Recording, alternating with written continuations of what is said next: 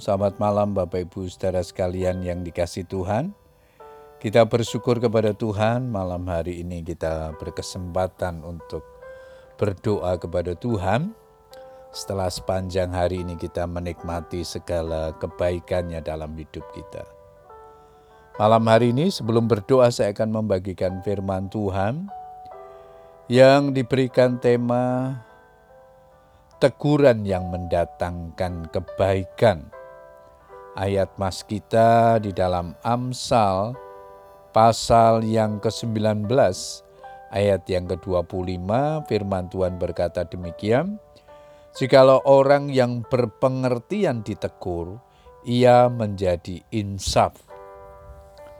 Setiap orang pasti pernah melakukan kesalahan atau pelanggaran, sebab tidak ada manusia yang sempurna.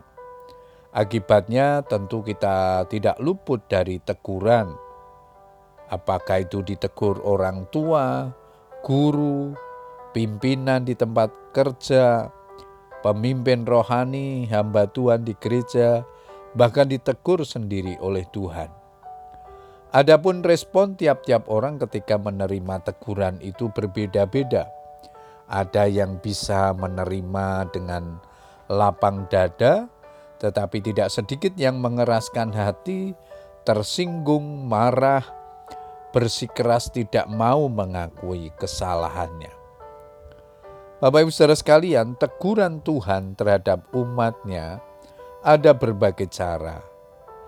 Melalui firman-Nya, masalah, peristiwa, atau situasi yang terjadi. Meski demikian, jangan selalu beranggapan bahwa ketika orang lain sedang mengalami masalah berat atau sakit penyakit, artinya orang tersebut sedang ditegur Tuhan karena telah berbuat dosa. Tidak selalu seperti itu. Bila saat ini kita menerima teguran Tuhan dalam bentuk apa pun, belajarlah untuk tetap mengucap syukur karena setiap tegurannya selalu mendatangkan kebaikan bagi kita. Membuat hidup kita jauh lebih baik, memurnikan iman, dan bukti bahwa Dia sangat mengasihi dan mempedulikan kita.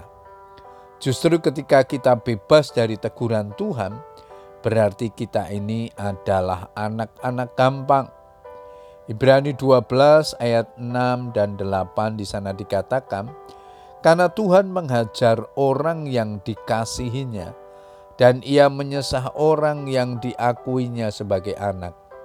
Tetapi jikalau kamu bebas dari ganjaran yang seharusnya diderita setiap orang, maka kamu bukanlah anak, tetapi anak-anak gampang. Sebagai anak-anak Tuhan, sudah selayaknya kita menerima didikannya dalam bentuk teguran. Jangan sekali-kali berusaha lari dari teguran, sebab siapa mengindahkan didikan menuju jalan kehidupan, tetapi siapa mengabaikan teguran tersesat. Ampal Sal 10 ayat yang ke-17.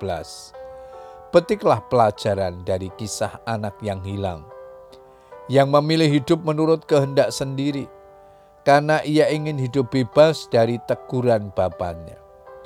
Apa yang ia alami? Keadaannya tidak bertambah baik, malah semakin buruk. Akhirnya, keadaanlah yang menegur dia.